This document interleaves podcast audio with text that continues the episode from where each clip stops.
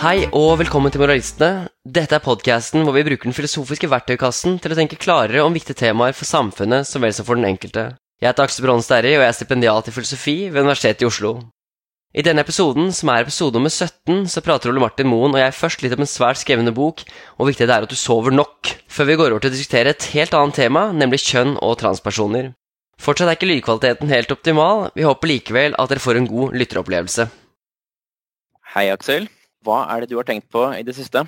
Du, jeg er helt opphengt i søvn, og det er litt farlig, egentlig. Men det er også en fyr som heter Matthew Walker, som er, har skrevet en bok som kom ut for to år siden, som heter Why We Sleep, som sikkert en del har fått med seg. Men hvis man ikke har fått det med seg, så fins det nå en, en litt sånn kortversjon av den boka, som ligger ute på en podcast jeg akkurat har kommet over, som heter Peter Attia The Drive, eller noe sånt noe. Og der er det på en måte de går gjennom det helt utrolig. Jeg lurer på om det er i én take, og i så fall så kan vi på en måte virkelig skjerpe oss og steppe opp gamet vårt. Fordi de har da Jeg tror er til sammen sitter i seks timer og prater om denne boka. Og hvis det er i én take Jeg blir gjort dritsliten i huet etter at vi har prata bare en time på, på å lage podkast. Så de her går åpenbart enten på noen veldig sterke sånne cognitive enhancers, eller så sover de veldig mye. Ja, kanskje de har sovet veldig godt er det jeg tror, men det tror jeg egentlig jeg gjør, jeg òg, da. Men det er åpenbart uh, i løpet av disse podkast-episodene her, så har jeg blitt nesten sånn Nei, jeg må droppe alkohol. Jeg må droppe kaffe etter klokka ti om morgenen. Hvis ikke du sover åtte timer hver dag, så går det skikkelig skikkelig gærent med det. Det er en litt sånn vanskelig greie. Jeg snakka litt med kjæresten om det, og da er det sånn der, hun tør ikke høre den fordi hun litt sånn, har litt angst for å ikke få sove, og at det kommer til å gå utover neste dag. Og det i seg selv er med og på å gjøre på måte, det vanskeligere å sove. Så det er sånn, litt sånn kjip uh, greie der òg. Men du får bare virkelig inntrykk av at søvn er kanskje på en måte den aller, aller, aller viktigste du kan få på plass i livet ditt for at eh, det ikke skal gå skikkelig skikkelig gærent med både hva du får til i livet, men også din helse. da. Så det er eh, skumle saker. Ja, det, det, er jo en ganske kjent ting innenfor si, psykisk helse, slik at søvn er en ting som må på plass, ellers så er det fryktelig mye som, mye som begynner å rakne. Og jeg har vel litt si, inntrykk av at det er mange filosofer som sover dårlig. Derek Parfit skrev om det. Han sov veldig dårlig. Hadde veldig problemer med, med, å få sove. Og jeg, jeg, lurer på om det er mange av oss filosofer som sitter oppe og grubler og tenker over eksistensen og slike ting. Så kanskje vi særlig trenger virkelig, virkelig å få sove.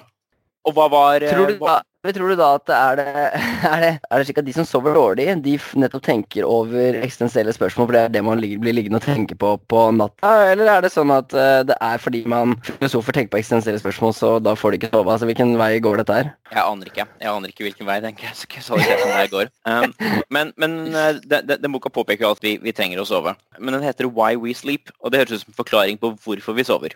Og det er jo, Jeg har lyst til å komme til hva vi kan gjøre for å sove bedre, da, for det lurer jeg på selv mm. også. Men akkurat den, den, Why We Sleep, så har jeg på en måte tenkt på det spørsmålet og lurt på om det kanskje er litt sånn feil stilt spørsmål. For da mm. tenker man at det er søvnen vår som krever en forklaring. Men man kan jo snu det på hodet også og tenke at liksom vår normaltilstand er søvn. Og så klarte vi i løpet av evolusjonshistorien å være våkne. Kanskje først bare noen sekunder og så noen minutter. Og så må vi tilbake igjen til normaltilstand. Kanskje planter i en eller annen forstand kan man si da, sover eller noe slikt noe. Slik at det som krever en forklaring, egentlig, er dette unntaket, som er å være våken. Men det er jo når vi er våkne at vi tenker på slike ting. Så det er jo det som hele tiden blir på en måte normalen som vi vurderer ut fra. Og da lurer vi på hvorfor gjør vi den rare tingen som er å sove. Altså Alle har en sånn myk ting hjemme, og så går de og legger seg i den her sånn. Og så ligger man der sånn, og så har man en veldig trippy, egentlig rar, underlig opplevelse. Og så våkner man opp og tenker at dette er helt normalt, dette er jo sånn det må være. Men det er jo en veldig veldig rar ting. Og jeg lurer på om det kanskje hjelper oss da, å tenke litt motsatt. At det er søvn som er grunntilstanden. Og så er det unntaket som er å være våken. Litt sånn som å holde pusten for å dykke. At når vi våkner på morgenen, så er det som å på en måte dykke ned under vann. Og så er det grenser for hvor lenge vi klarer det før vi på en måte må opp og puste igjen. da, Og tilsvarende her, da, hvor lenge vi klarer det før vi må tilbake til søvntilstanden igjen. Altså, han faktisk, han Matthew Walker han er enig med deg da, at det kanskje er slik vi burde stille spørsmålet, og at det er kanskje det som trenger forklaring, er hvorfor vi er våkne. Men det var bare sånn han sier det er en eh, spekulasjon eller en hypotese han har, men han hadde ikke noe på en måte mer å si om akkurat det. da. Så, men jeg vet at det nettopp var kanskje en måte man burde se på det. Men eh, det var litt sånn, jeg vet ikke, hva er det som gjør at du tenker at det i en måte, Hvordan hjelper det oss egentlig? Eller har vi noen grunn til å tro at det er det som er naturtilstanden, på en måte, eller at det er grunntilstanden vår? Jeg, jeg, jeg, vet, ikke, jeg vet ikke. Det er, det er jo et å si, søvnforskningsmessig spørsmål. da. Men jeg tenker sånn, jeg tror det kan hjelpe oss til å stille kanskje litt andre spørsmål da, om hva som er grunnen til at vi må hit og gjøre dette. Det er mulig søvnforskere så tror jeg ikke dette vil gjøre noe nytt, da, men for, for meg som en sånn på å si, søvnamatør da, så ga det meg et litt sånn annet perspektiv på det. For jeg har ofte følt at det jeg skal gjøre, er å være våken. Og så må jeg ha disse unntakene som er å sove. Og det er litt sånn irriterende at jeg må dit. Litt sånn som å gå på do eller liksom bare gjøre sånne ting som man bare må gjøre maintenance, liksom. Men hvis man Mm, tenker mm. litt motsatt, at det man egentlig gjør, er å sove, og så kommer man opp fra det, så føler jeg i hvert fall i mitt eget hode det er litt sånn skift i hvert fall, det er perspektivet på det. Men det jeg tror ikke det har noe særlig empiriske prediksjoner eller noe slikt noe. Men noen ganger så kan sånne Nei. perspektivendringer også hjelpe en litt da, til å tenke om et tema.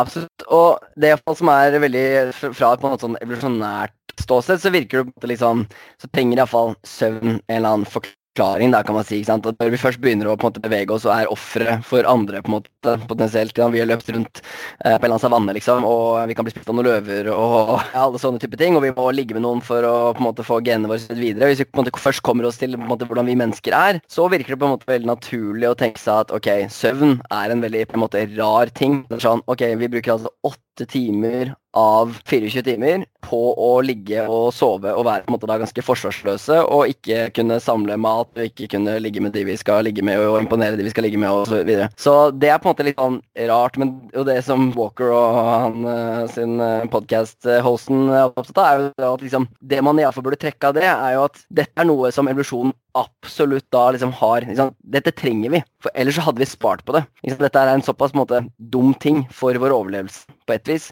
At Mhm. vi da liksom har disse åtte timene vi trenger å sove, er på en måte liksom Ok, ikke tull med det, for det er på en måte helt basic. Vi kommer oss ikke under det. Og det kan hende vi tuller ganske mye med, da, med elektrisk lys for eksempel, da, og med koffein og med den slags type ting, så kan det hende vi faktisk lager ganske mye tull uten at vi egentlig vet det selv også. Og etter hva jeg vet også, så kan vel søvnproblemer være en ting som det er vanskelig å skjønne at er et søvnproblem også, fordi det bare fremstår som andre problemer. Ja, ikke sant? Og du har jo den der, ikke sant? Nå Jeg vet ikke om det er så mye sånn lenger, men det har jo vært på en måte også en sånn ideologisk greie. De nevner på en måte Ron Reagan og Margaret Thatcher, som skrøt av at de på en måte ikke trengte å sove mer enn fire timer om natta og var sånne der supermennesker. ikke sant? Du kan sove når du er død og alt det greiene der. Ja. Og det er interessant, og, som han der Walker sier, da, at de, begge de to døde av liksom et eller annet sånn Jeg vet ikke vet om du kjenner til hva de, hva de døde av. Om det var eh, liksom, om de fikk Alzheimers eller om det var et eller annet som gjorde at de, eh, de døde mye tidligere da, enn det de eh, ellers var forventet å gjøre. Eller skulle man tro det er vanlige folk er forventet å gjøre. Og det er muligens da forklart nettopp av deres på en måte,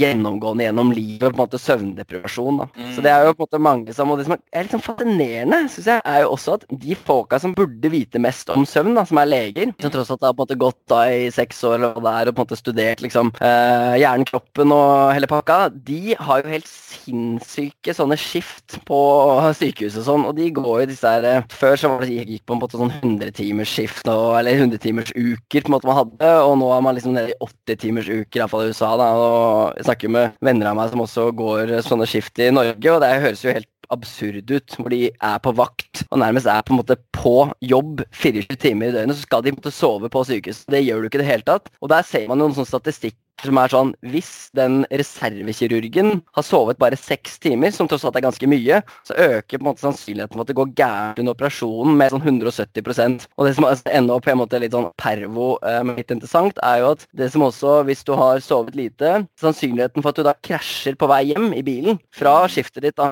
det er sånn øker med 180% eller noe, og da er du på en måte tilbake det stedet du allerede var da og eh, sto og opererte på pasienten, liksom. Så er det sånn Her er vi der tilbake, på en måte. Og dette er jo en helt forutsigbar konsekvens, som måte nettopp som liksom, Alle på en måte har jo Eller man har visst dette er dritlenge, men likevel så opprettholder man på en måte sånne institusjoner som øker risikoen for eh, at pasienter dør, og at legene også selvfølgelig ødelegger helsa si og kanskje dør når de krasjer i bilen sin. Og så blir det ikke registrert heller, da, hva som er grunnen til det, egentlig. De, hvis de på en måte som profesjon da, sover veldig dårlig, så er klart da, da finner man jo aldri ut hvorfor dette, hvorfor dette egentlig skjedde.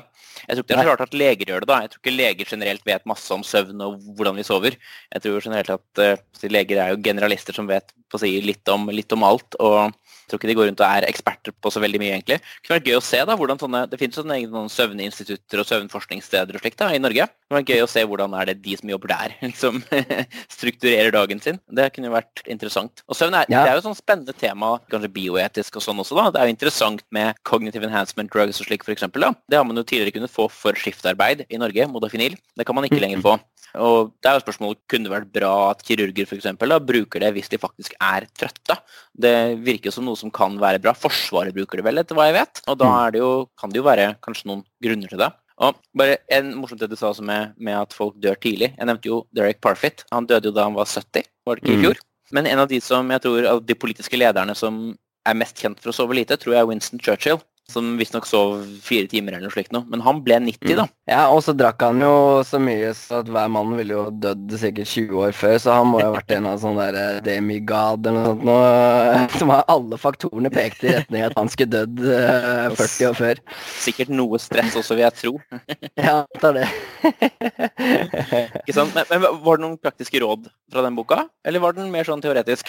Nei, altså det er noe- definitivt noen råd, ikke sant. Og jeg ble på måte nettopp litt sånn mer apropos dette med å bruke som du sier, sånn cognitive enhancement, altså i form av modafinil og andre typer ting, så ble jeg litt sånn på en måte litt mer skeptisk til alle typer ting som gjør altså For mange så er det på en måte um, Du sover dårlig, og så tar du medikamenter som skal gjøre at du måte nettopp kommer deg gjennom neste dag, og så kan det igjen på en måte gjøre at du blir på en måte Kroppen din føler seg på en måte mindre trøtt neste natt igjen, og så på en måte kommer du inn i en sånn dårlig spiral. da. Så det som på en måte slo meg litt, var at det sånn, er det virkelig en ting som er en sånn prestasjonsfremmende ting, er det jo nettopp det å bare gjøre alt du kan for å sørge for at du får sove eh, åtte timer, eller kanskje mer faktisk, eh, hver dag. da. Og det var jo sånn type sånn bare én eller to enheter med alkohol før du legger deg, og det kan være ganske, mange timer før det òg, går alvorlig utover eh, søvnen din.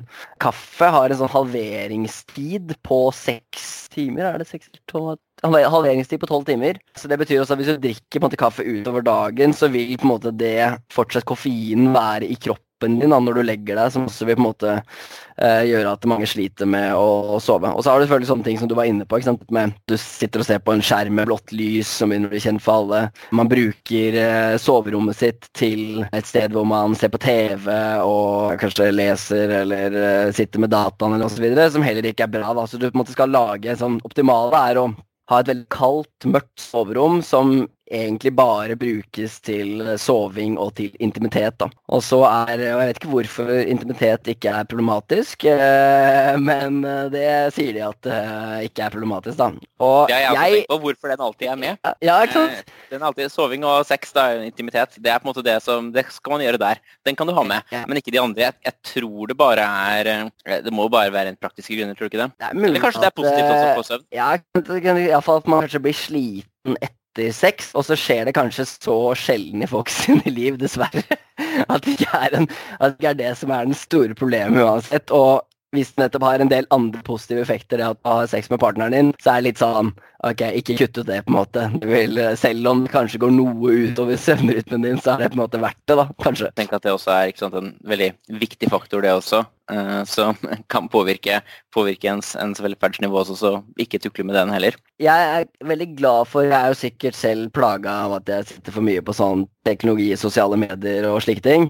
Men jeg har heller fått meg en sånn rutine at jeg ikke våkner og sjekker telefonen lenger. For det gjorde jeg en periode. At det var liksom det første jeg gjorde om morgenen, var å sjekke telefonen. eh, og så liksom gå gjennom e-post og Facebook og alt mulig rart. da. Og det sa han at det er ikke bra. fordi det er sånn, du, Hvis du har vært ute og reist, eller skal ut og fly, eksempel, så skal du et tidlig fly, for du skal måte få mye ut av dagen. Og da er det sånn å jeg må sove klokka fem eller halv fem, eller hva det skal være. Og så er det på en måte akkurat som hjernen din bare mens du sover, så er det sånn den gjør seg på en måte klar til å på en måte stå opp mye tidligere enn det du vanligvis gjør. Og så våkner du kanskje av deg selv, da, kanskje sånn halv fem. Og så er det sånn, hva er det som, hva er det som skjer der? Og det er da på en måte liksom at du nettopp gjør deg klar til et eller annet stressende eh, nytt element da i livet ditt, ikke sant, som skal skje dagen etter. Og da sover du ikke like godt. Og det samme mener han der Matthew Walker at kan skje når kroppen din vet at nå i morgen, og det skjer hver morgen, så kommer jeg til å på en måte utsette meg for dette på en måte stresset som eh, jobben og på en måte sosiale medier er da i mange sitt liv. Når det er det første som skjer, så er det akkurat som at kroppen din allerede begynner å innstille seg på det mens du sover. Så det er nok lurt da å på en måte utsette i den grad man kan det. da, Utsette på en måte liksom den der Facebook og liksom ta opp telefonen sin. Det bør liksom utsettes utover dagen, da, så det ikke det kommer eh, og ødelegger eh, søvnen din. Og noe jævlig stremmende også. Sånn, en ting er, det er jo en ting er med oss som sliter nok med de tingene, men det er jo enda verre selvfølgelig med tenåringene og slik, ikke sant, som virkelig har problemer. Både ved at de har dette at de forskyver den måte biologiske klokka si, ikke i den forstand at de har uh, Ikke den der at eggene deres begynner å Ja, whatever. Men at de, so, de blir trøtte seinere på dagen, og så trenger de likevel sove nesten like mye som det barn gjør. Så de trenger å sove ti timer, og så blir de ikke trøtte før kanskje tolv kvelden. Og så skal de likevel drittidlig opp. Og så i tillegg så slenger du på da det at var det 80 av amerikanske ungdommer de sjekker sosiale medier i løpet av natta. Og det er sånn, Hvis du driver da, da kan du bare se for deg at én ting er bare å stå opp og på en måte få det blå lys i trynet, og alt det greiene, men det betyr jo også at du bare sover med en konstant som FOMO, som fair of missing out. ikke sant? Bare sånn, Hva er det som skjer der ute i verden som ikke gjør at du får nok ro? da? De ungdommene nå må jo bare virkelig ha helt massive problemer med søvn da, fra litt tidlig alder. Ja, det tror jeg man ser også. Gjør man ikke det? Er, det ikke, er ikke søvnproblemer ganske sånn drastisk økende blant unge? Jeg tror det. Jo, det virker sånn. Det, det, er interessant dette med at man ikke skal bruke en telefon på morgenen. Eller jeg vet jo på kvelden skal man ikke gjøre det, men på morgenen er det jo så veldig lett å gjøre det, fordi vekkerklokka er jo ofte der. Og i tillegg så er det hvis man strever med å våkne opp, så er det jo veldig fristende å se på et eller annet som er stimulerende, og som er lyst, og som på en måte får en i gang. da. Så det er jo mm. kjempelett å havne der. Men uh, ja, jeg er enig. Jeg tror også at, vi, at, søvn kan være en av de tingene som vi kanskje ødelegger ganske mye med. Og at ja, kaffe er jo en Det er så underlig uh, når man jo diskuterer cognitive enhancement drugs og slike ting, at folk er ofte på å si, prinsipielt veldig imot det. Mens, mens, kaffe er jo et unntak. Så rundt om på hele mm. universitetet så står det jo slike si, koffeinmaskiner da, som står og mm. trakter dette er si, veldig vanedannende, stimulerende kjemikalier, liksom, som alle sitter og, sitter og drikker hele tiden. Det er veldig fascinerende mm. hvor, hvordan, vi bare, hvordan vi kategoriserer ting. da. Bare tenke på ting som noe helt annet og se på det som åpenbart veldig greit og ikke problematisk i det hele tatt. Og helt åpenbart på den motsatte siden også, da, at det er galt å, å bruke cognitive enhancement drugs f.eks. Nei, så jeg tror ikke så nettopp det er helt enig med deg, og, det, og der har, virker det som på at folk har, og vi har jo vært i mange av de diskusjonene tidligere, ikke sant, om uh, skal man ta i bruk sånne medikamenter, gitt at de er på en måte med forbivirkninger osv., så, videre, så finner jo på en måte folk leter jo etter sånn de grunnene for at dette her skal være gærent, mens selvfølgelig kaffe skal være helt uh, ok, eller andre type hjelpemidler, om det er datamaskin eller uh, hva det skal være, som gjør at noen er mye mer produktive og alt det greiene. Så folk på en måte sliter med å finne gode begrunnelser for hvorfor det ikke skal være greit å ta i bruk bruke modafinil eller Ritalin eller hva det skal være for å kunne prestere bedre på jobb eller skole. Men da er kanskje det bedre argumentet er vel nettopp en sånn herre Kall det liksom en sånn biologisk konservatisme, som nettopp kanskje han er Matthew Walker, som verken da drikker alkohol eller drikker kaffe, er på en måte en, er en forkjemper for. da, ikke sant? Det er sånn her, her har vi et utrolig finmasket og komplisert maskineri som trenger ikke sant, nettopp all den søvnen, og så begynner man å på en måte ta medikamenter for å håndtere en del av de problemene, så kan det ofte bli verre. ikke sant? Og det er ofte bivirkning med det og sånne type ting. Da. Så det er veldig sjelden vi greier å måte tyne mer ut av maskineriet enn vi på en måte greier bare ved på en måte å sove nok og spise god mat og trene ganske ofte og sånn. ikke sant? Så det, det er vanskelig å få pillene til å funke, da. Det er i hvert fall vanskelig å få den til å liksom gi en si, et netto gode over lang tid. Man kan jo se for seg hvis man skal måte, operere noen, da, eller et eller annet som virkelig krever veldig mye konsentrasjon der og da, da, så kan det jo være verdt det hvis du på en måte tenker ok, det er kanskje tap alt i alt. da. La oss si det alltid er et nettotap, men hvis det er en veldig veldig gain for deg å være konsentrert akkurat nå, så får du heller være ukonsentrert liksom resten av dagen, så kan du jo ha sånne trade-offs som gjør det verdt å gjøre, da, og som du kan være rettferdiggjort å gjøre dette selv om det alt i alt kanskje er et tap. Selv om vi bør gå ut fra at det er et tap alt i alt. Helt enig, og det slår meg som sånn Men det er selvfølgelig vanskelig å begrense det. Men det slår meg på å være helt konkret. Da, at, Si at for du skal starte på eh, Du har et sånn, den der blanke ark-fenomenet som er sånn åh, nå skal jeg starte en helt ny oppgave. Jeg skal starte på en ny tekst. Og det å bruke f.eks. modafinil, så ser du at sant, mange tror jo på at en del av disse medikamentene er prestasjonsfremmere i den forstand at du blir smartere av det, men mest sannsynlig er jo det som skjer, er jo at du blir på en måte mer motivert, eller at du føler deg bedre. At du føler 'jeg er på en måte litt mer smartere enn det jeg egentlig er'. Og så på en måte har du en sånn rush mot å gjøre starte på den oppgaven. da. Og hvis du greide å på en måte forbeholde bruken av et slikt medikament til de få tilfellene hvor du liksom skal sette i gang et prosjekt, så ville det sikkert være nyttig, da. Eller sånne ting som Fenibut eller andre ting som ser ut til å liksom gi deg en form for liksom ro. Redusere angsten din, eller hva man skal kalle det. Så i de tilfellene hvor det er sånn du skal på et jobbintervju, eller du skal på en måte holde et eh, For en gangs skyld så skal du holde måte et møte på jobben, eller liksom, presentere et eller annet for kollegaer, og det gjør du på en måte en gang iblant, så virker det også på en måte, syns jeg, smart å kunne ta i bruk et slikt medikament da, som gjør at ok, da roer du deg litt ned, og så på en måte kanskje får du sove dagen før fordi du vet at du har et sånt medikament i baklomma som kan gjøre at du eh, roer deg ned. da. Så det finnes sånne på en måte spesifikke bruksområder for en del av de medikamentene. Men så er problemet kanskje at ah, nå føler jeg meg ikke så bra i dag heller, og så tar du det. Og så føler jeg meg ikke så bra i dag heller, og nå skal jeg jo møte de folka, og da tar jeg litt dette medikamentet for å hjelpe meg, og så er det on and on and on. da. En ting er jo da kortsiktigheten ved det. Og en annen ting er jo det at uh, det nevnte jobbintervju, f.eks. Mm. Og jobbintervjuer er jo nullsumspill. Og det betyr jo at hvis alle gjør det, så må alle gjøre det videre. Og hvis man tar for gitt disse bivirkningene, da, at de kan være ganske heftige, så kan vi jo se for oss at vi med dette her da bare kjører oss hardere og hardere og hardere, da. Og du alltid må prøve å få en slags edge. Men at det, at det likevel, alt i alt for oss på, som samfunn, da, gir et tap. Og det er noe som vi må være ganske, ganske Hvis man tenker at kognitiv enhancement kan være greit, så, og på en måte man, man, forsvarer at det kan være et verktøy, så er det jo viktig å si at det betyr jo bare at det ikke utelukkes prinsipielt. Det er ikke galt som sådan å bruke det. Og det er jo kompatibelt med å mene at det har massevis av ulemper og bør reguleres ganske strengt, f.eks. Og ikke at det er en mirakelkur på noen måte. Det er veldig viktig når man er for enhancement å på en måte si det veldig tydelig. da. At enhancement er jo ikke en tanke om at disse tingene er bra alt i alt. Det er bare en tanke om at det at de er enhancements, da, betyr ikke at de som sådan og av den grunn kan utelukkes. Nei, Helt enig. Og til dette med på en måte hvor nettopp hvor lite sånn amerikanere spesielt sover nå. da.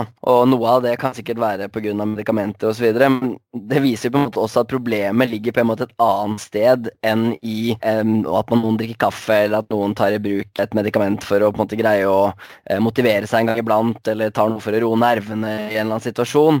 Vi har på måte laget et, organisert et litt dårlig samfunn når folk tenker at de må for å komme seg gjennom dette og vinne konkurransen, eller hva det skal være, så på en måte sulter de seg på søvn på noe som på en måte ikke det er mulig å måte, få tilbake. De ødelegger på en måte helsen sin eh, så enormt, og påfører andre da selvfølgelig kostnader ved at de opererer på dem og det går til helvete, eller de er yrkessjåfører og sover lite og dermed bare meier ned noen fordi eh, de får sånne mikrosøvngreier mens de kjører på motorveien. ikke sant? Det er jo litt det derre istedenfor nettopp å spørre seg disse konkrete spørsmålene skal man legalisere, eller er det prinsipielt galt å ta i bruk en prestasjonsfremmende medikament i skolesituasjonen eller i arbeidssituasjonen, så er det kanskje andre spørsmål som bestilles, som er sånn Ok, hvordan kan vi organisere arbeidslivet eller utdanningssystemet vårt på en måte som ikke legger til rette for slik eh, skadelig konkurranse da, som går utover livsfolks eh, helse og velferd?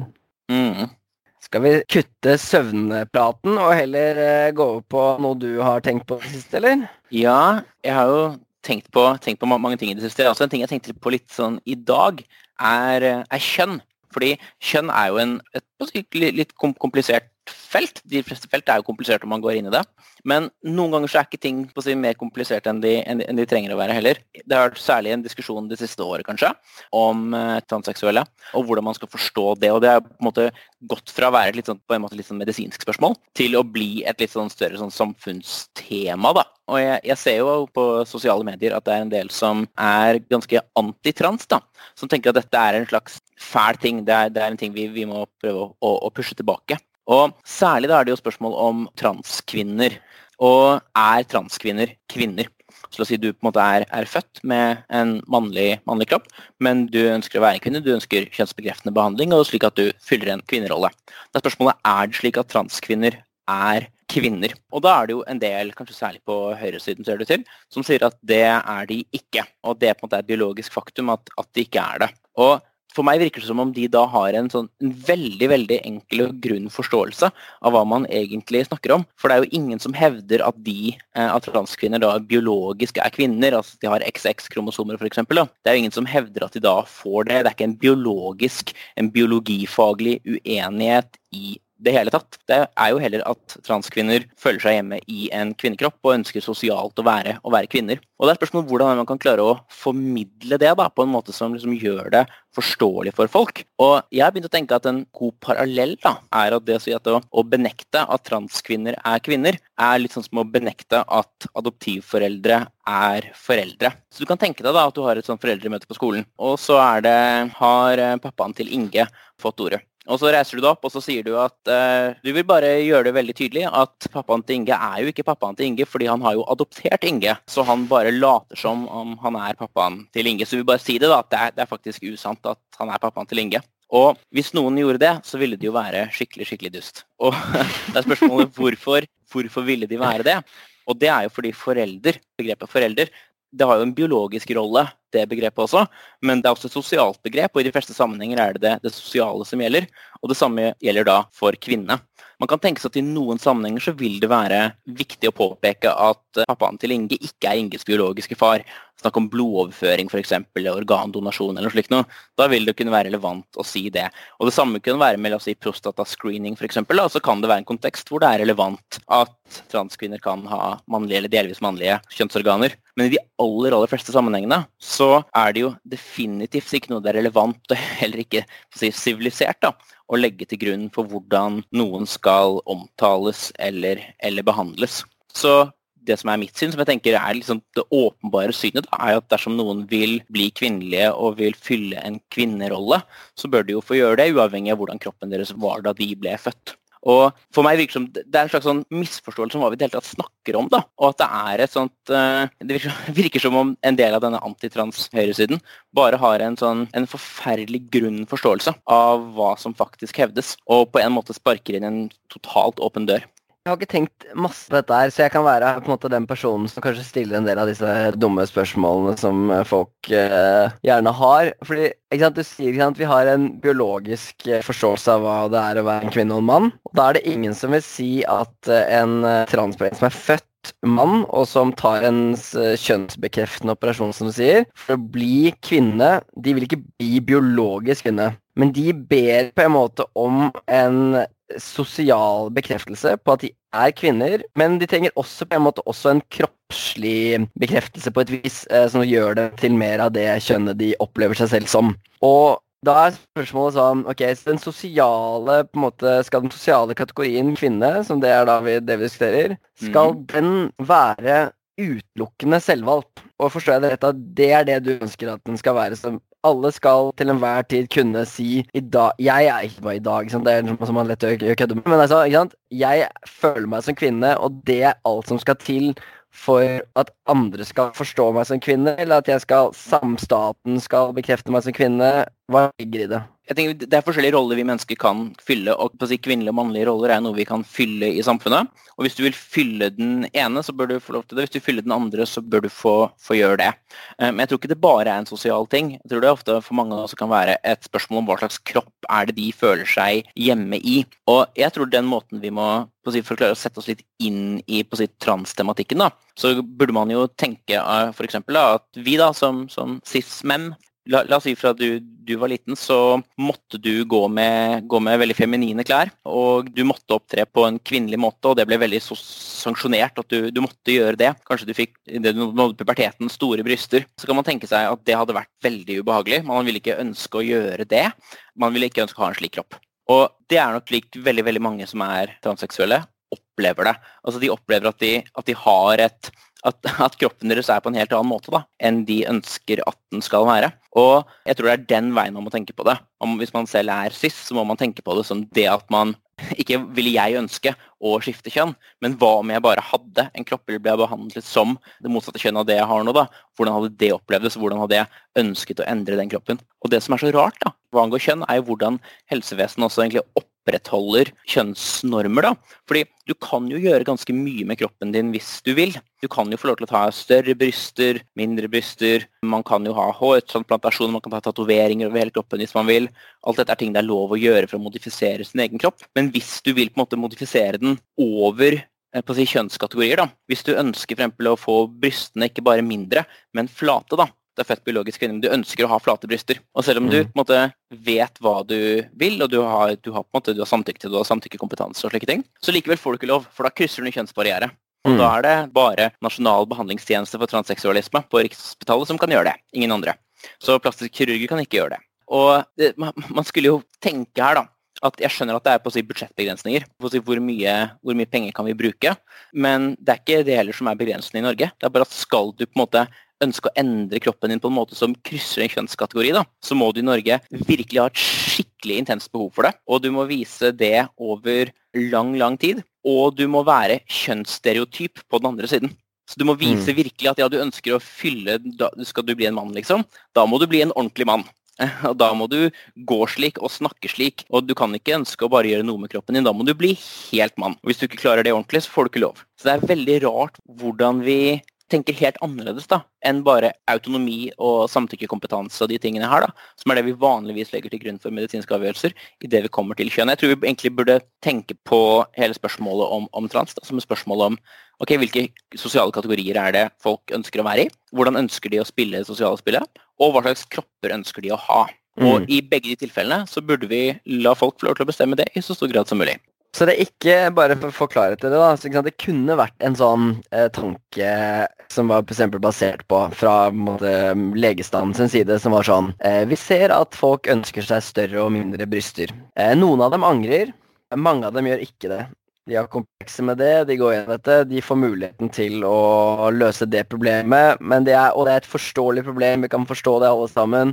Vi ønsker på en måte at de skal gå gjennom en prosess, vi er sikre på at de faktisk eh, ønsker dette her. Men eh, det må være greit å gjøre, liksom. Mens når det kommer til en kjønnsskifteoperasjon, så er det en så stor vurdering som innebærer på en måte liksom Og som det selvfølgelig ikke Det er ikke noe vei tilbake er dette her noe som vanligvis folk er uh, forvirret? Altså, kan Du kan tenke at det er noen, en psykisk lidelse man kunne hatt sånne type ting. Man har en tidligere tilfeller av folk som ønsket å måtte bytte kjønn, har vært tilfeller av psykisk lidelse, eller har, mange av dem angret på det i etterkant. Det, så dette kunne vært måte, liksom, paternalistiske, formynderske grunner som ikke har noe å gjøre med at man har et måte, for sånn der, samfunnet har en tanke om hvem som skal være mann og kvinne, som det ser ut som du antyder at det er. Jeg antar at dette ikke egentlig er forklaringen, men bare for å få den forklaringen liksom, vil si at Det er ikke noe hold i den formynderske greia. Altså, Inntil nylig så har, jo, har, man jo tenkt at noen i kraft av å være trans er, er, psykisk syke. da. Så da er det nesten bare analytisk gitt at de er psykisk syke.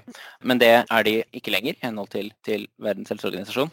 Og da er det jo spørsmålet hva er det da, da, er det mer sånn med kanskje pragmatisk spørsmål. da, Er det slik at mange angrer på det de gjør? Og dette, dette er jo stort forskningsfelt liksom, som dessverre har blitt veldig politisert. da, eh, Der alle, alle, skal mene noe om det. Men det er jo det er få som angrer på det. Det er noen selvfølgelig, som det er med veldig veldig mange eh, medisinske prosedyrer du kan gå gjennom. Men du sa det, det er irreversibelt. Det er det, jo, er det jo egentlig ikke. Altså Én ting er jo hormoner det er jo en del ting som man trenger. En ting er på en måte pubertetsutsettende behandling som gjør at man når puberteten senere. Og Det kan være ganske viktig å ha, for da har du lengre tid til å kunne tenke deg om hvilken vei du eventuelt vil gå. Fordi en pubertet kan være ganske, ganske fastsettende for hva slags såkalt sekundære kjønnsuttrykk du utvikler. Så en ting er den utsettelsen, som jo burde være tilgjengelig. Og det er snakk om hormoner, testosteron og østrogen. Og det er også reversibelt. Eh, men så er det snakk om operasjoner, da. Bryster, underliv. Og de er jo i større grad irreversible.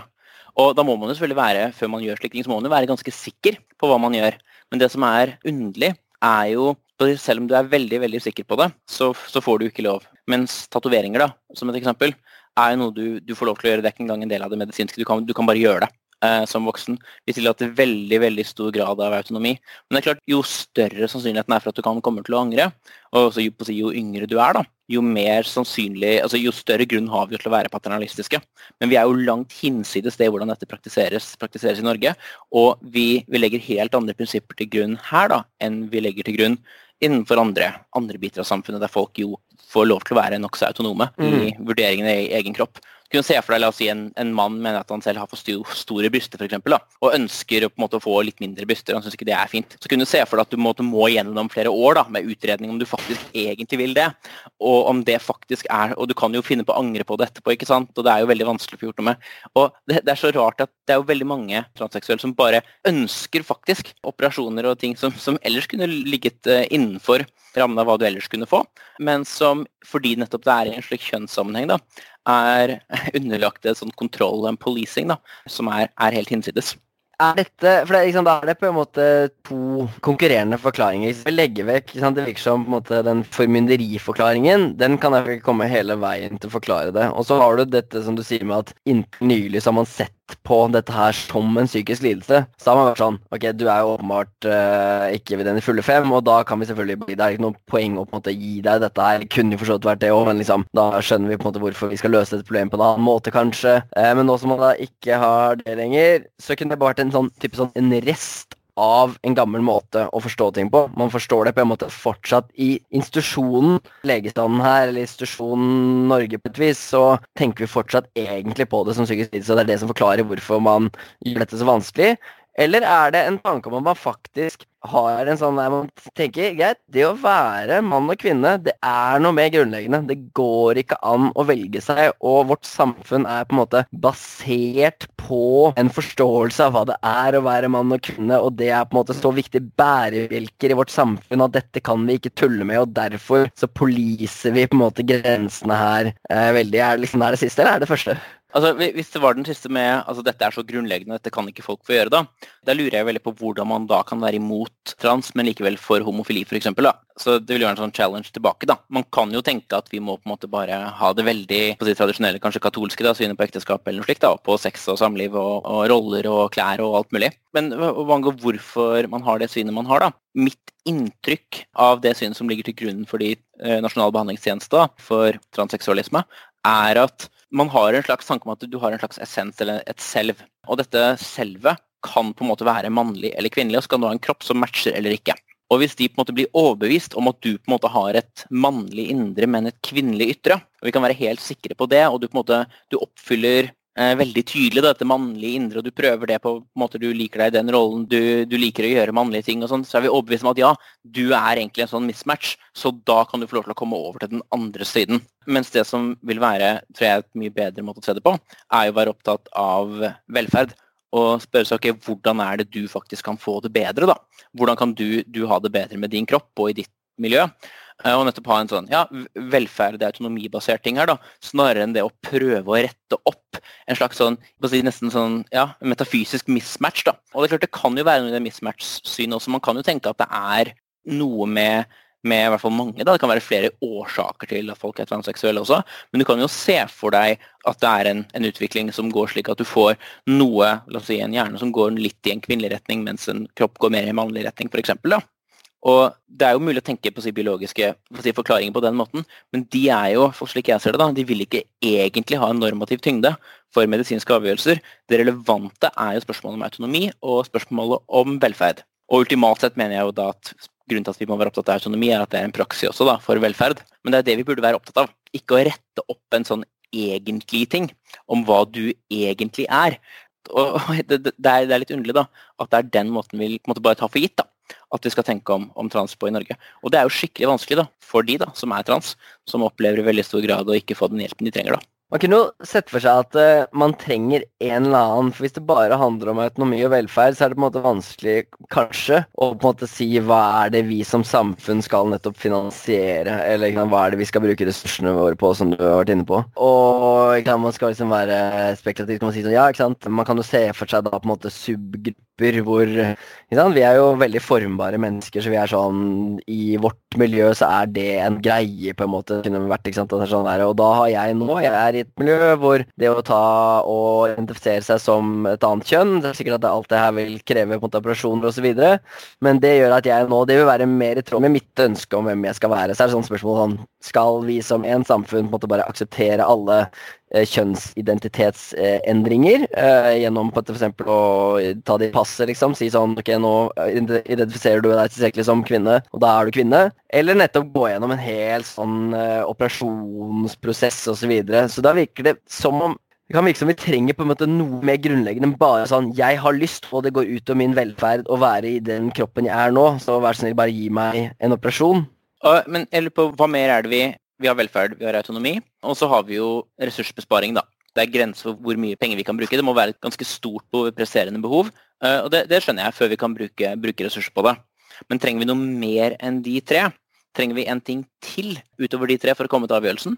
Ja, det kunne være mulig at dette med sånn Hva er det som altså Det er mulig at ting bare kan cashes ut i en forventet måte liksom stabilitet på et vis. da. Så du kan se for deg liksom, eh, Hvis et medisinsk behov, eller et uttrykk fra pasientens side, medisinsk behov, reflekterer en spesifikk gruppes eh, på en måte har fått det for seg at de absolutt må ha et eller annet, ha en eller annen medisin eller ha et eller annet inngrep for at uh, livet deres skal gå bedre. Mm. Da må man finne på noe helt absurd liksom, som er sånn ja, vi er en gruppe som tenker at uh, det å ha begge beina våre, uh, at de fungerer, det er ikke i tråd med hvordan vi egentlig ser oss selv. Og du har jo selvfølgelig en medisinsk lidelse, som, eller psykisk lidelse, eller hva man skal kalle det, som nettopp innebærer akkurat det at noen som ikke gjenkjenner sitt eget bein. Men liksom, dette kunne på en måte vært tatt takk lenger. og sagt på mhm. bare, Dette her er da en informert gruppe mennesker som nå ønsker å på en måte kutte av seg begge beina fordi de føler seg med hjemme i en kropp som mangler begge beina. Og det skal samfunnet stille opp for, for dette her er noe de har som det er noe de ønsker seg. Og iallfall sier de at dette vil være i tråd med deres velferd, fordi det er en velferdsforbedring, fordi de vil komme nærmere det idealet de har for sin egen kropp da i den gruppen. Så virker det som det er en ikke medisinens jobb, eh, og det er ikke det vi burde bruke samfunnsressurser på, vil man kanskje kunne tenke, da. Enig. Så jeg vil være enig hvis, hvis noen kommer og sier jeg vil, vil amputere, amputere, begge bena mine, så bør man i utgangspunktet da, da si si nei. Men jeg tror man må være åpen for at det kan finnes tilfeller der det er den beste løsningen. Men her er det jo klart, her er det jo en kjempebyrde som man da kan klare da ikke, ikke å gå lenger. Og her er det på en måte et, et, et stort problem i tillegg, da, som, som, gjør det veldig veldig vanskelig. Men, så i, i, mange tilfeller bør vi da sikkert da, da si nei, av velferdsgrunner egentlig. Men la oss si noen da har en sterk kroppsdysfori som nettopp ikke går på kjønnsidentitet, for eksempel, da, men som går for på å ha ben, da, eller går på andre aspekter ved seg. da. Så tenker jeg at, altså En ting man tenker at kanskje byrden på en måte er litt sånn triviell, kanskje da har den ikke noe med, med helsevesenet å gjøre, men la oss si den er ganske sterk, da. Hva, hva, gjør vi da? Kan dette løses psykologisk, psykiatrisk? I så fall er jo det fint. Men la oss si det faktisk ikke kan det. Kan det da være Kunne det i hvert fall ha vært da, den beste løsningen å endre noens kropp i den og den retningen? Og da, da, tror jeg man må være åpen for at det kan være det beste. Uten at jeg tror det er veldig sånn presedensskapende da, for hvordan jeg, jeg, jeg, tror ikke det er en veldig aktuell parallell, egentlig. Jeg er enig, men bare, jeg lurer på om det det forteller oss, er at eh, vi, vi må gjennom en sånn litt sånn prosess hvor vi vurderer på en måte eh, grunnes på en måte eh, Ikke gyldighet, det blir teit, liksom, altså en eller annen måte å si sånn Det er mer enn bare autonomi i velferd. Iallfall mer enn bare 'dette er det autonomi. du vil nå', og 'dette her skal liksom komme nærmere', at du kommer til å ha det bedre akkurat nå. Så vi har en sånn Er virkelig et problem? Er dette noe vi som samfunn Så vi trenger en sånn type samtale, da. Den er jo der i velferd, for vi ønsker jo å fremme vedkommendes velferd over lang tid. Og det er klart, Hvis du har en innskytelse om at du ønsker å få amputert begge bena, og du bare gjør det, så kan det ha kjempenegativ impact på deg. Og ikke minst ha negativ impact på, på samfunnet også. da. Så det, det vil jo være en Altså ved at du, du ikke klarer å, klarer å, bevege deg rundt. Men jeg vet ikke om det er noe mer der, egentlig. Jeg tror ikke helt på denne Ja, er det en sånn grunnleggende genuin ting, liksom? Jeg har ikke helt sånn den troen på at det er dit vi bør se da, når vi skal ta slike avgjørelser deler, jeg deler nok også litt syn på at det er sånn altså hvis, måte, Hvor er det vi grunnleggende sett skal forankre en del av disse tingene her? Så er det på en måte i vår egen, vår andres velferd. Og da vil det være sånn er, Og det er det som ligger innunder vurderingen. Skal vi bruke samfunnets ressurser på dette her? Men også for så vidt noen si det er det man kan cashe det ut på sånn Skal man bekrefte en del sånn uh, kjønnsskiftene, eller skal man la det på en måte hvor, hvor, flytende på en måte skal man la det være? Så vil noen i, i siste si sånn Nei, dette her nettopp rokker ved sant, disse fundamentale kategoriene som vi har basert samfunnet vårt rundt. ikke sant? Og det, så er bare spørsmålet hvor spekulative og på en måte hvor plausible vi syns de samfunnsgrunnene er. da, er de på en måte kontra det enkeltindividets eh, på en måte ønske om å få hjelp til å bedre sin velferd gjennom en operasjon, eller hva det skal være. da. Da må vi være veldig klare da, på at det vi gjør, er å på en måte opprettholde visse på en si, samfunnskategorier. da. Og Noen ganger så har man jo vært nesten tydelig på dette intersex-barn i Norge tidligere også, og fortsatt også. Noen som har en uklar eh, kjønnsidentitet når de blir født, blir dyttet i en retning. Ofte i en kvinnelig retning, for det er lettere å kunne gjøre noe med operasjonsmessig. Mm. Nå opererer vi jo på noen som egentlig er friske sånn isolert sett, liksom, men de passer ikke Mm. inn i en av disse kategoriene. Og det forstyrrer oss veldig at noen ikke passer i disse kategoriene. Så da må de inn i en av de kategoriene. Og da Mm. later vi jo på en måte som om vi løser et medisinsk behov, men det vi Mm. egentlig løser, er et slags sånn samfunnsbehov for at du skal passe inn i en av disse to kategoriene. Og jeg tror det er slike krefter da, som faktisk er på spill da, i diskusjonen om trans. Og, at, eh, og dette er kanskje det vi burde forvente også, da. Fordi vi har jo veldig mange sånne nedarvede, sånn evolverte, veldig sterke følelser. Knyttet særlig til seksualitet, kjønn, reproduksjon. Dette er ting vi på en måte føler veldig sterkt om. da. Og da skulle man jo forvente også at et av de på si, stedene på sine si, innen etikken, da, altså seksualetikk, kjønnsetikk, disse tingene, det skulle vi nesten forvente. At det var en del sånne krefter som ikke var rettet veldig mye inn mot velferd, som faktisk var på spill fordi folk, folk føler så sterkt. Mm. Men tilbake til dette med måte det, liksom, den sosiale kategorien. Mm. Så uavhengig på en måte om noen på en måte går gjennom en uh, kjønnsskifteoperasjon eller uh, sånn, så er det jo på en måte en spørsmål om på en måte hvordan man f.eks. skal tiltales, ikke sant, som skal tiltales som kvinne eller mann, om det er på foreldremøte eller om det er i en annen situasjon, da. Og da er det et spørsmål Én, liksom, nettopp hva er det høflig av oss å gjøre? Mm. Og jeg er nok med på det at det virker helt rimelig å si sånn Ok, hvis noen ønsker, hvis noen jeg trodde var f.eks. en mann, ønsker å bli tiltatt som eh, kvinne, så er det helt fint, liksom. Også, ja, du vil på en måte gjøre ting for å være høflig. Men så kan man jo på en måte se for seg at eh, ikke sant? Og noen vil jo på en måte mene når det kommer til Hvis det skulle bli mange eh, kategorier, da, eller mange sånn selv sånn, Jeg vil bli omtalt på denne måten, jeg vil bli omtalt på denne måten, så kan det etter hvert bare bli vanskelig i offentlig kommunikasjon, selvfølgelig. Fra liksom, offentlighetens side, hvordan er det de skal på en måte tiltale alle i brev og sånne, sånne type ting. Men også på en måte hvordan er det jeg skal som enkeltmenneske på en måte greie å navigere i den sosiale verden. Så det er et videre spørsmål da, som er sånn Hva er det man egentlig med på en måte rimelighet kan kreve av andre mennesker? Enig. Og hvis du på en måte krevde da å ha ditt helt eget pronomen, da, så ville det vært øh, skikkelig, skikkelig problematisk. Men jeg tror ikke det er så For det første så har vi jo hen, da, som jo er et, et kjønnsnøytralt pronomen, og så vi kan referere til folk uten å referere til hvilket kjønn de hører til samtidig. Og det kan være nyttig. Det er jo tilsvarende vedkommende som også, som også gjør det. Og jeg tror ikke noen vil på en måte si at ok, jeg skal verken være han, hun eller hen. Da begynner man å lage en si, for stor si, kommunikasjonsbyrde da, for de rundt seg. Jeg tror aldri jeg har møtt eller snakket med noen som vil være imot en bruk av hen som et, som et pronomen som, som vil, vil henvise til dem. Så jeg tror ikke det er noe større problem. Da. La oss si folk kunne få lov til å bytte navn, da.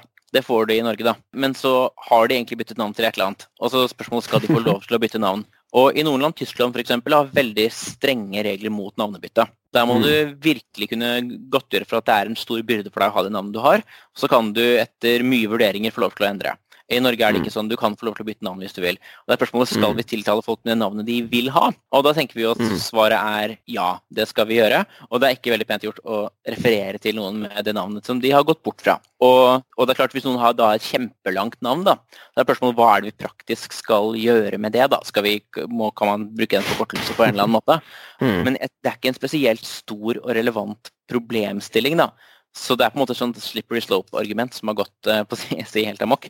Som jeg ikke tror er et, er et reelt problem, da. Men uh, Mm. jeg, jeg kan definitivt skjønne de som sier at det er problematisk om man skal ha om la oss si, mange personer rundt deg da, skal ha på si hvert sitt type pronomen.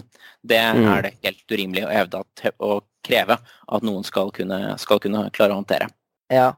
Det som vel har gjort at en del sånne feminister har vært skeptiske her, er vel eh, bl.a. en sånn tanke om at for det første at du trenger å kunne på en måte snakke om på en måte, hvem er på en måte det politiske subjektet, hvem er det på en måte vi som feminister skal kjempe for sine interesser, da.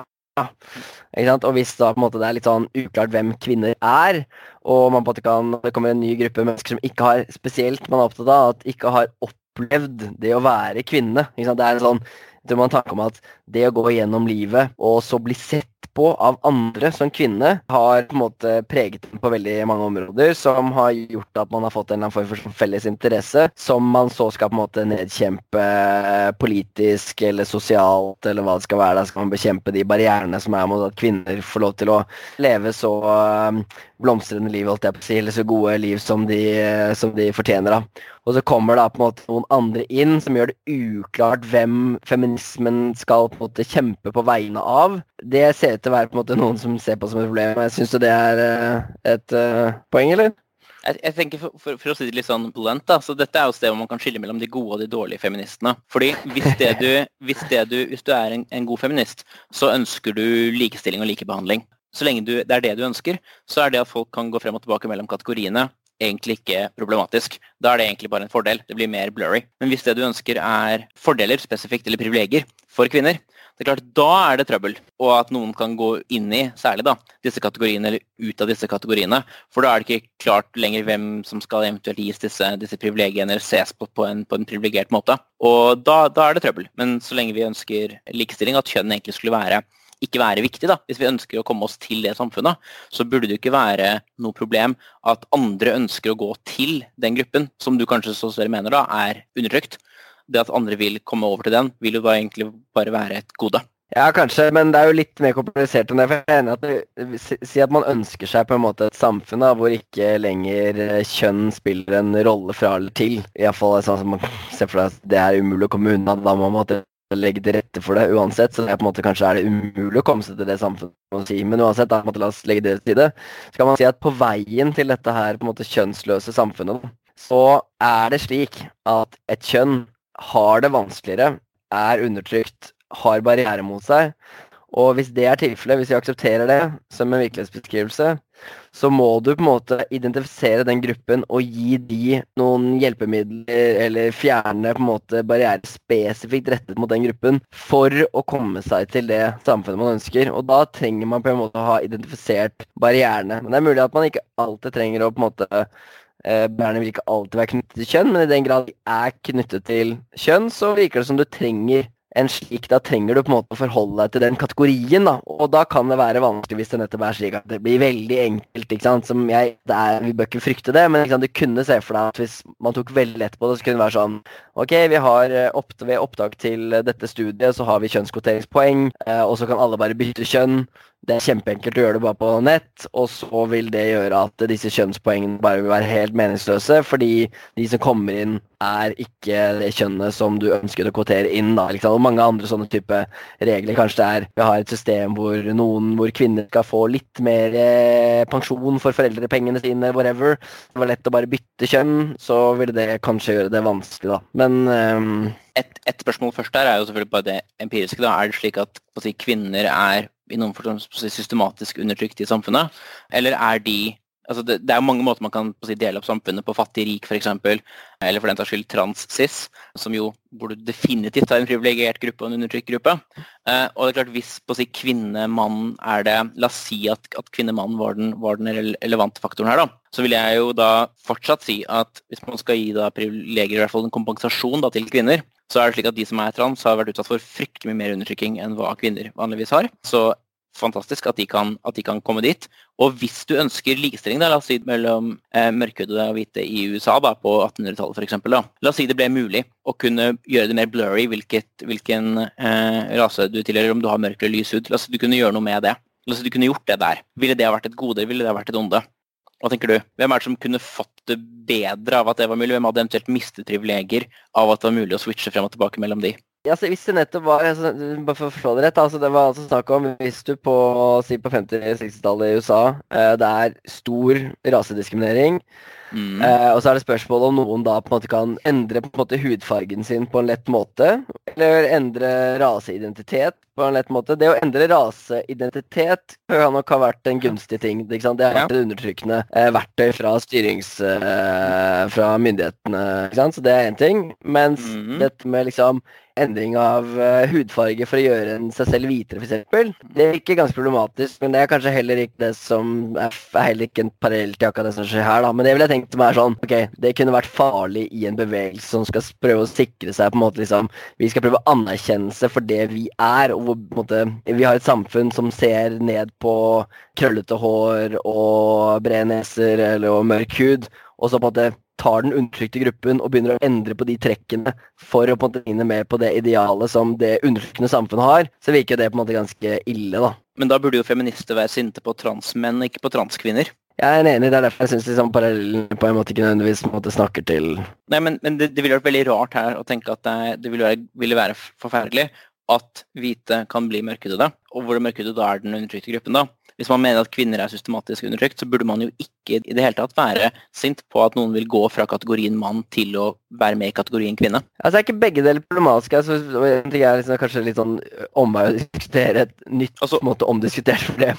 Altså, Å joine the underdog vil jo være bra hvis du mener at dette er en genuin underdog-kategori.